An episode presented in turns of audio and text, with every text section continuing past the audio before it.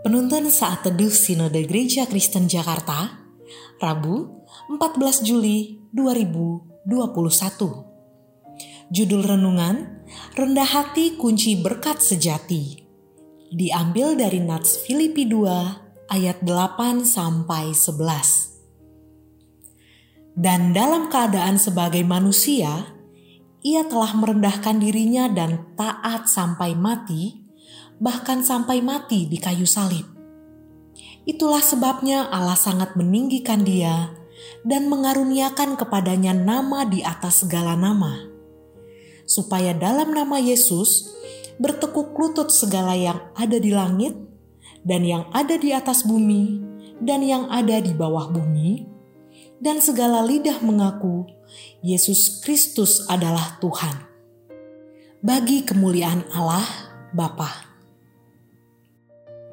Kerendahan hati dalam bahasa Latin disebut humilitas. Kata ini berasal dari kata humus yang artinya tanah. Bila direnungkan pengertiannya sungguh luar biasa. Seseorang yang mau rendah hati adalah mereka yang menyadari asal-usul dirinya dari debu tanah, tidak ada yang patut disombongkan.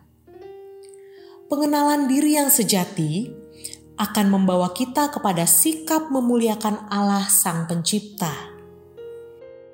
Kita hanyalah ciptaan yang tidak patut untuk mencuri kemuliaan Allah dan menjadi tinggi hati. Yesus Kristus sebagai teladan utama dari kerendahan hati mengungkapkan makna yang dalam melalui kehidupannya sebagai manusia. Selama hidupnya di dunia, Yesus selalu berjalan dalam kerendahan hati dan ketaatan penuh kepada Bapaknya, sehingga Allah mengaruniakan kepadanya nama di atas segala nama. Yesus Kristus telah menunjukkan kerendahan hati yang teragung. Meski hidup kekal bersama Bapa, dia memilih untuk menanggung hukuman salib karena kasihnya yang teramat besar pada kita. Agar melalui kematiannya, dia dapat menyelamatkan setiap orang yang percaya. Mereka yang menerimanya sebagai satu-satunya Tuhan dan Juru Selamat masuk dalam kerajaan surga yang penuh dengan sukacita. Sifat rendah hati yang bergantung sepenuhnya kepada Allah adalah dasar dari segala berkat sejati yang telah kita nantikan dalam hidup ini kita perlu memahami dan menyadari bahwa sikap tinggi hati atau kesombongan tidak akan membawa kesejahteraan dalam hidup ini. Sebaliknya, hidup dalam kerendahan hati akan membuat kita berhasil dan dipenuhi berkat sejati dari Tuhan.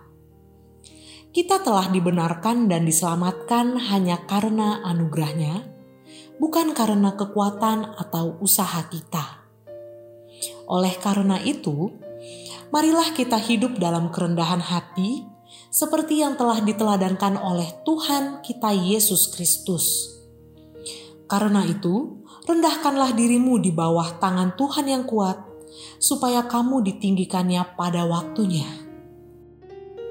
Rendah hati dalam menerima dan menghargai pemberian Tuhan kepada kita sebagai bagian dari rancangan indahnya. Tuhan Yesus memberkati kita.